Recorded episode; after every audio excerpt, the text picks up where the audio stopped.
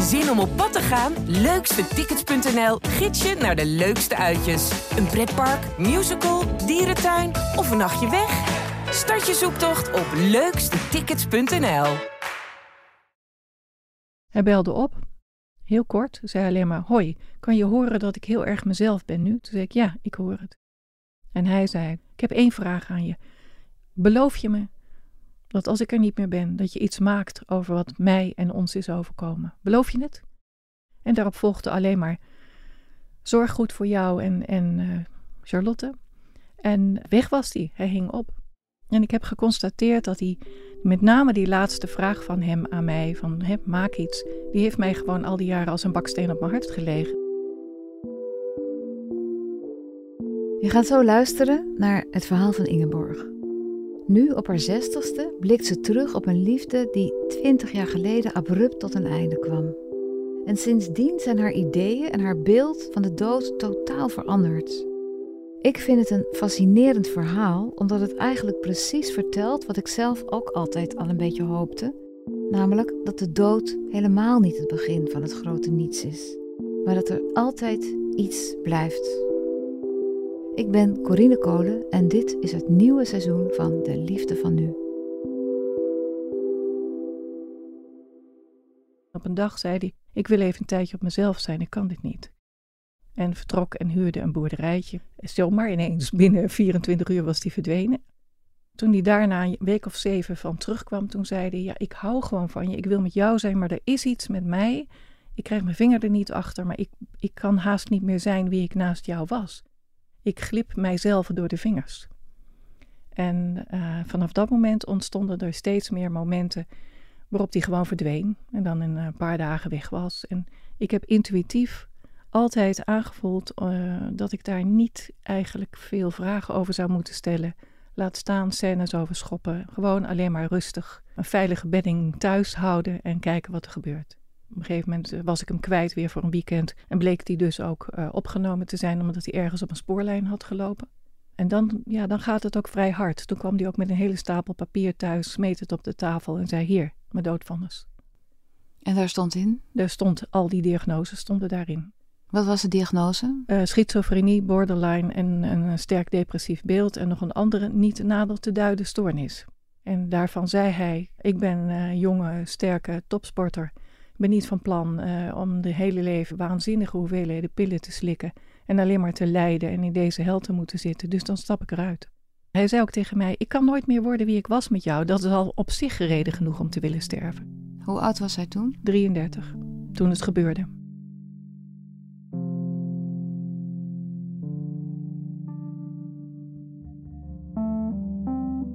Wij hadden een, een buitengewoon intensieve, gepassioneerde, grote liefde. Je zou misschien kunnen zeggen dat hij tot nu toe in ieder geval de liefde van mijn leven was. Hoe lang duurde die grote liefde? Die heeft maar vier jaar geduurd.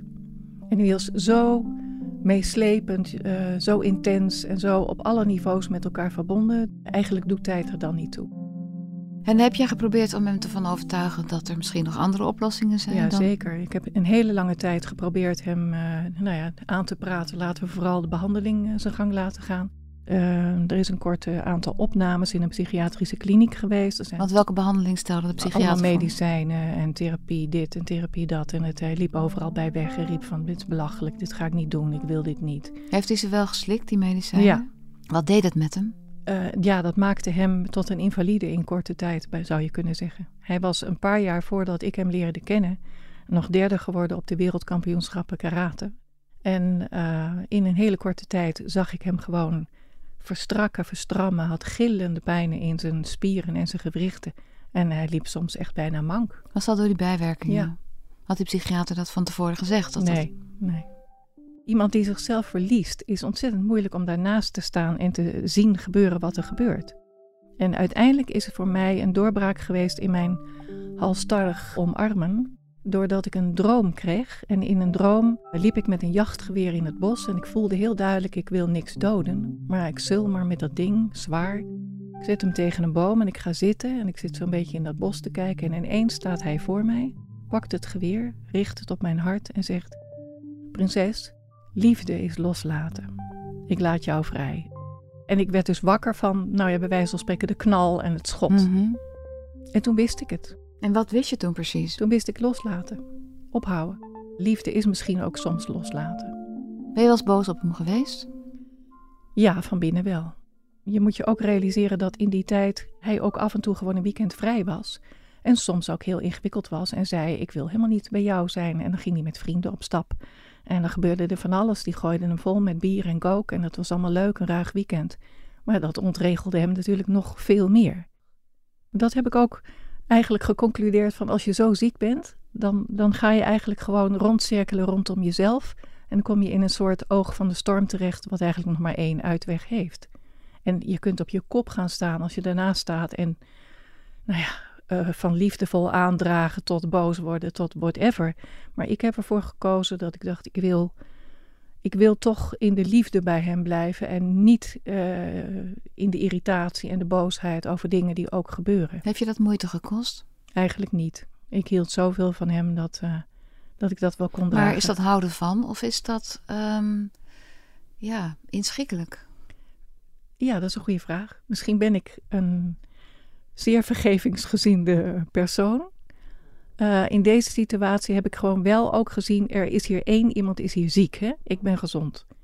En ik kan niet aan hem dezelfde eisen stellen als aan een gezond mens. Maar jij bent ook maar een mens. Absoluut. En ik heb, had ook nog een kind. En uh, ik balanceerde. Ik, ik had wat een soort koorddanser aan het worden tussen zijn belangen en die van mijn kind. En, en maar heen en weer. En dat koord werd natuurlijk ook steeds onbetrouwbaarder. Heb je ook wel eens gedacht, deze man is inderdaad deze, de man niet meer met wie ik, uh, op wie ik verliefd werd? Nee. Hij kan beter weggaan. Nee, omdat hij bij Vlagen daar ook uitkwam en volstrekt helder was en ook een heel goed overzicht had over zijn situatie en dan ook weer gewoon was wie hij daarvoor was. Als hij me opbelde wist ik meteen, oh ja, nu is hij gewoon weer zoals ik hem ken. Je kon het ook horen aan zijn stem, aan zijn intonatie. En als het uh, allemaal wat killer en harder was, dan, uh, dan wist ik, nou ja, dit heeft nou, haast geen zin zelfs om een gesprek te voeren. Ik denk dat hij steeds meer zich terugtrok uit het leven als een, zeg maar, dat alsmaar verdwijnen en weg zijn, was misschien al een prelude op het helemaal weg zijn. De avond voordat ik hoorde dat hij vermist was, was ik s'avonds in de kamer van mijn dochter. En dat was laat in april of midden april. En dan kun je zo hebben dat er nog sneeuw is. En die avond sneeuwde het. En ik trok de gordijnen in de kamer van mijn dochter dicht. En ik hoor in mijn hoofd: Dit is de nacht waarop je man gaat sterven. En hoe klonk die stem? Het, een, een mensenstem, maar ik zou je niet eens kunnen zeggen of het een, een man of een vrouw was. En um, ik ben gewoon naar bed gegaan en heb tegen mezelf gezegd: Doe normaal. Dit is allemaal totale nonsens. Heb je iemand daarover gebeld? Nee, niemand. En de volgende ochtend, mijn dochter is net naar school vertrokken, gaat de telefoon, belt de inrichting: Zit hij bij jou? Zeg, nee. Wat is er aan de hand? Nou, we zijn hem sinds gisterochtend kwijt. En toen wist ik het. En hoe lang zat hij toen al in die inrichting? In en uit, een paar maanden. Ik heb toen direct een vriendin gebeld en ik heb gezegd: Nou, luister, hij is vermist. Wordt er gezegd, maar ik voel, ik weet dat hij dood is. Maar hoe was dat voor jou, dat je, dat je wist dat hij dood was? Uh, toen ontstond er een ander gevoel en dat was: Ik moet en zal, wij moeten zijn lichaam vinden. En dat heb ik ook hardop uitgesproken. Want ik zei: Het enige wat wij nu nog nodig hebben, is dat we zijn lichaam gaan vinden. Want als we hem niet vinden, hoe moeten wij dan in vredesnaam door met ons leven? Ja. Dit gaat niet lukken als hij zomaar verdwijnt en we nooit zijn lichaam gaan vinden. Nee. Dan blijf je elke dag op iedere straathoek om je heen kijken. Dat kan niet. Ik wist gewoon, dit moet, dit moet, dit moet. En ik rijd daar in dat dorp uh, zo wat rond en in de omgeving en ik zoek eigenlijk zijn auto. En ik rij naar een paar plekken waarvan ik dacht, oh daar zou het kunnen zijn, daar zou die kunnen zijn. En ik vind nergens die auto en ik kijk op mijn horloge en ik denk naar huis. Mijn dochter komt zo thuis, ik ga naar huis. En ik besluit, ik ga naar huis. Maar mijn handen draaien het stuur naar rechts en ik rijd het bos in ik rijd nog een stuk verder en ineens zie ik zijn auto staan. En dat is een heel naar moment. Dat kan ik me herinneren dat ik um, misselijk werd. Het gevoel had dat ik door mat glas keek in plaats van dat ik helder zag. En ik ben toen naar zijn auto gelopen en ik wilde in de auto kijken. En toen zag ik als het ware in die zijruit hem liggen naast water. In een liggende houding met één opgetrokken been. En ik kijk achterom, want ik denk, nou, dat, dat is dan hier, dat weerspiegelt zich. Maar mm -hmm. dat was een heel ander landschap. En toen ik weer terugkeek naar de auto, was dat beeld weg. Toen ben ik, heb ik mijn auto gestart, ben ik het bos ingereden. En ik ben zo langs de slagboom gereden, het bos verder en verder in. Heel veel paden links en rechts gewoon gelaten. En ineens neem ik een pad naar rechts. Vraag me niet waarom. Gewoon, ik heb een beetje, hoe zou je kunnen zeggen, op de automatische piloot gefunctioneerd. En terwijl ik op een gegeven moment mijn auto stop ergens en ik stap eruit, voel ik gewoon, ik ben vlak bij hem. Ik Hoe voelde je dat? Ik voelde zijn aanwezigheid. Hoe voelde je dat? Wat voelde je? Alsof hij bijna naast me stond. Ik wist dat hij dood was, maar tegelijkertijd was er. Er is een twee sporen gaan er dan in je hoofd. Het weten weet, hij is dood, kan niet anders. En je gevoel gaat weer in de richting, ja, maar je weet maar nooit. En ik heb toen direct mijn telefoon gepakt en mijn beste vriendin gebeld. En toen zei ze, waar ben je? En ik zei, ik sta midden in het bos en ik voel dat hij hier vlakbij is. En toen heeft zij iets gedaan wat eigenlijk heel wijs was, maar wat ook heel traumatiserend is geweest, want zij gilde. Je weet dat hij gevraagd heeft om samen te sterven. Hij is misschien totaal verward. Hij is sterk. Je kunt hem niet aan. In die auto en wegwezen. Wanneer heeft hij dat gevraagd? Um, ik denk een week of zes voor zijn dood. En was hij daar was hij teleurgesteld door het antwoord of begreep hij dat? Hij zei: Ik had wel gedacht dat je nee zou zeggen, maar mijn wens is om samen te gaan. Maar, maar het is ook bijna pathetisch. Ja. Vind je, hoe, hoe, wat voor woord zou je daar zelf van geven? Ik noem het dan nu snel pathetisch, maar misschien noem ik, jij het wel romantisch. Ik vind het geëxalteerd, maar uh, niet romantisch. Nee, ik vind het echt uh, ziek gedrag eigenlijk. Je kunt niet van een vrouw die een kind heeft verwachten of verlangen dat ze haar hele leven loslaat en volgens met jou een bos inloopt. Dat is natuurlijk volkomen gestoord in feite. Ik vond dat ook niks romantisch aan, eerlijk gezegd. Wat ook weer weergeeft hoe op, op jezelf gericht je bent als je zo ziek bent als hij. Ja, dan, dan ben je gewoon helemaal niet meer aanspreekbaar in redelijke zin. Die komt, het is ook heel eenzaam. Ontzettend eenzaam. Ontzettend. En dat is ook misschien, jij vroeg net, hoe ver ga jij hè? In, je, in je er maar bij blijven? Ik heb die nood zo groot gevoeld. En als je dat ziet bij iemand waar je zo waanzinnig van gehouden hebt, dan zeg je niet: Dit is mij allemaal te veel. En je draait je om of je roept: Nou, sorry hoor, maar nou maak je het echt te bond en ik draai me af. Dat kan niet. Nee, dat begrijp Tenminste, ik. het past niet bij mij. Nee, dat begrijp ik. Laat ik het zo zeggen. En, en toen jij in dat bos, bos, stond en die, die vriendin dat tegen jou gilde? Nou, toen sloeg me ineens mijn verlangen om bij hem te zijn, sloeg om in een enorme angst voor hem. Want ik dacht ineens, ja, ze heeft gelijk. Ik heb mijn auto gestart, deuren op slot en ben keihard teruggereden naar het begin van het bos. En daar heb ik hem bij de parkeerplaats bij de boswachter gezet. En ik heb de politie gebeld en verteld dat ik uh, zijn auto gevonden had.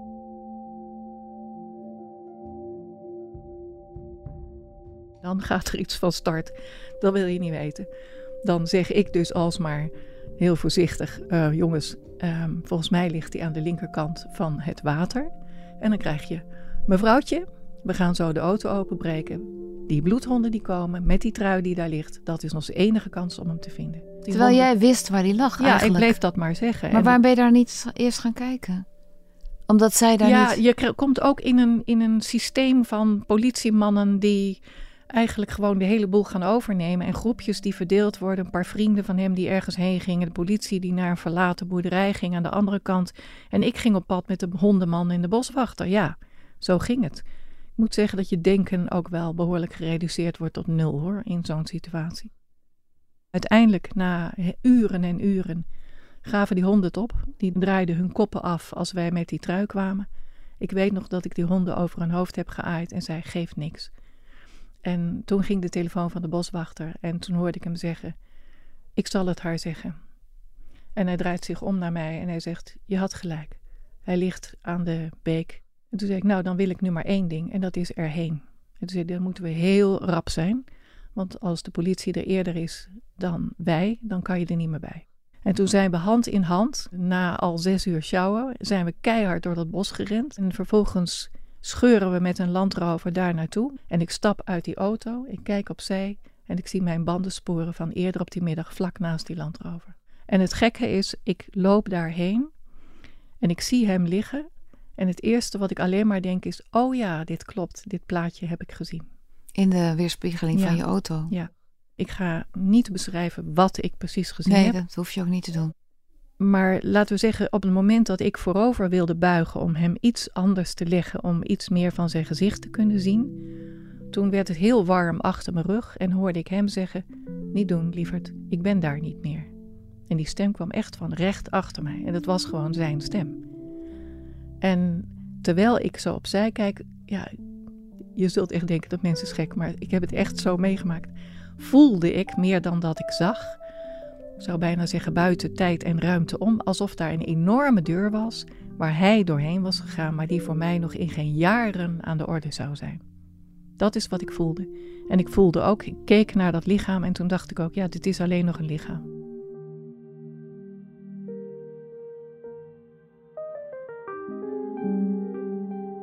Wat, wat betekent dit voor jou? Ontleen je daar nu ook troost aan? Ja, enorm. Ik heb um, door alles wat er zo in die 22 jaar, want er zijn meerdere momenten geweest dat Bert eigenlijk nog contact met mij maakt af en toe.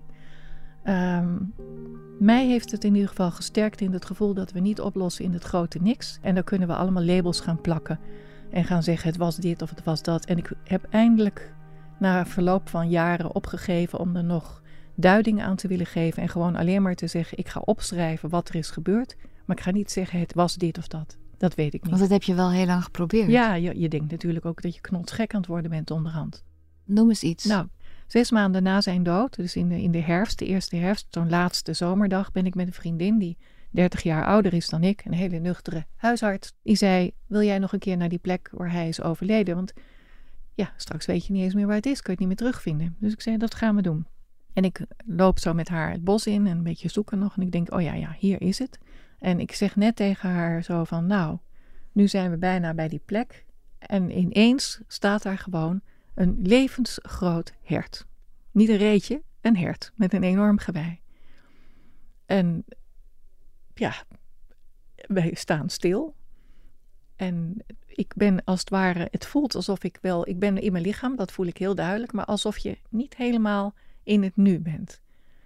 En op enig moment is dat hele hert in één klap verdwenen. Ik kijk opzij en zij zegt tegen mij: Allemachtig. Ik zeg, wat zag je dan? Toen zei ze, nou, er staat ineens een heel groot hert. Wat we niet hebben zien aankomen lopen en gezien de ruimte in het landschap had dat gemoeten. En hij was ook ineens weer weg en hij keek jou aan. Ja, dat had ik absoluut totaal aan gort geredeneerd als ik dit alleen had meegemaakt. Dan had ik nu niet durven beweren dat ik het heb meegemaakt. Maar door deze ontzettende degelijke, uh, nuchtere vriendin erbij was. En die heeft ook later, ze is nu in de negentig, en ze heeft wel eens gezegd tegen mij: die ontmoeting met dat hert heeft mij verzoend met mijn sterfelijkheid. Want toen dacht ik: zo erg kan het niet zijn. Als je kennelijk nog uitwisseling kunt hebben. En jij schreef daar nu 33 brieven aan hem over die eigenlijk reflecteren op zijn dood. Ik wil niet te lang daarop doorgaan, want niemand heeft die brieven nog gelezen. Precies. Maar waarom was het nu het moment om daarop te reflecteren? Um, ik denk dat ik in die 23 jaar eigenlijk constant op zoek ben geweest naar een mogelijkheid om op zijn laatste verzoek maak iets over wat ons overkomt, zodat ze me begrijpen, om daar een antwoord op te formuleren. En nu uiteindelijk heb ik eigenlijk ook een leeftijd van, waarop ik zeg: kom op, ik ga ervoor staan. Ik ga er een boek over schrijven. Ik ga die baksteen van mijn hart halen. Ik wil ook een keer vrij zijn. Want nog een keer, wanneer vroeg hij jou dat precies? Twee dagen voor zijn dood. En, toen en, dat, en dat was de baksteen? Dat, daar begon de baksteen in feite. Want ja, uh, hoe ga je dat doen? En ineens nu in dit, ja, op deze leeftijd, in dat vacuüm wat er ineens ontstond in mijn leven, uh, was er ineens die, die drang om te denken: en nou doe ik het in één keer helemaal goed en dan is het klaar en afgerond. En dan wordt het een boek met 40 tekeningen en dan, dan is het daarmee beantwoord. En zo voelt het nu ook.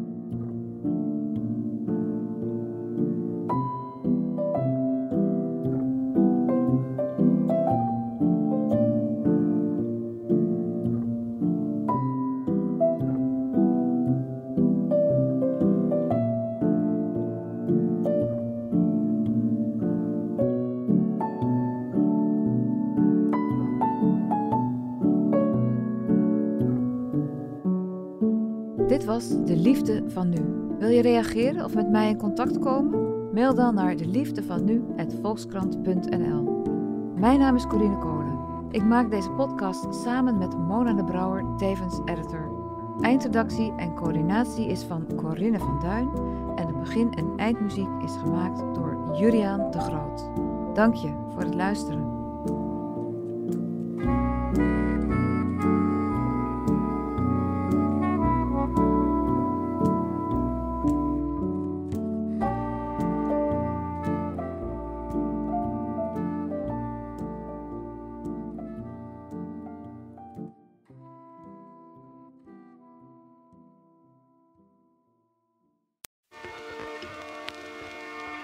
Je wel eens iemand ontmoet met een bijna magnetische aantrekkingskracht? Groot charisma waar ik onder de indruk was. Hij trok gewoon de aandacht. En dat je dan bij zo iemand hoort, ja, dat vond ik wel spannend, ja. Maar wat als degene die jij het meest vertrouwt al jouw gedrag wil controleren? flirten of stappen of wat allemaal absoluut not dom.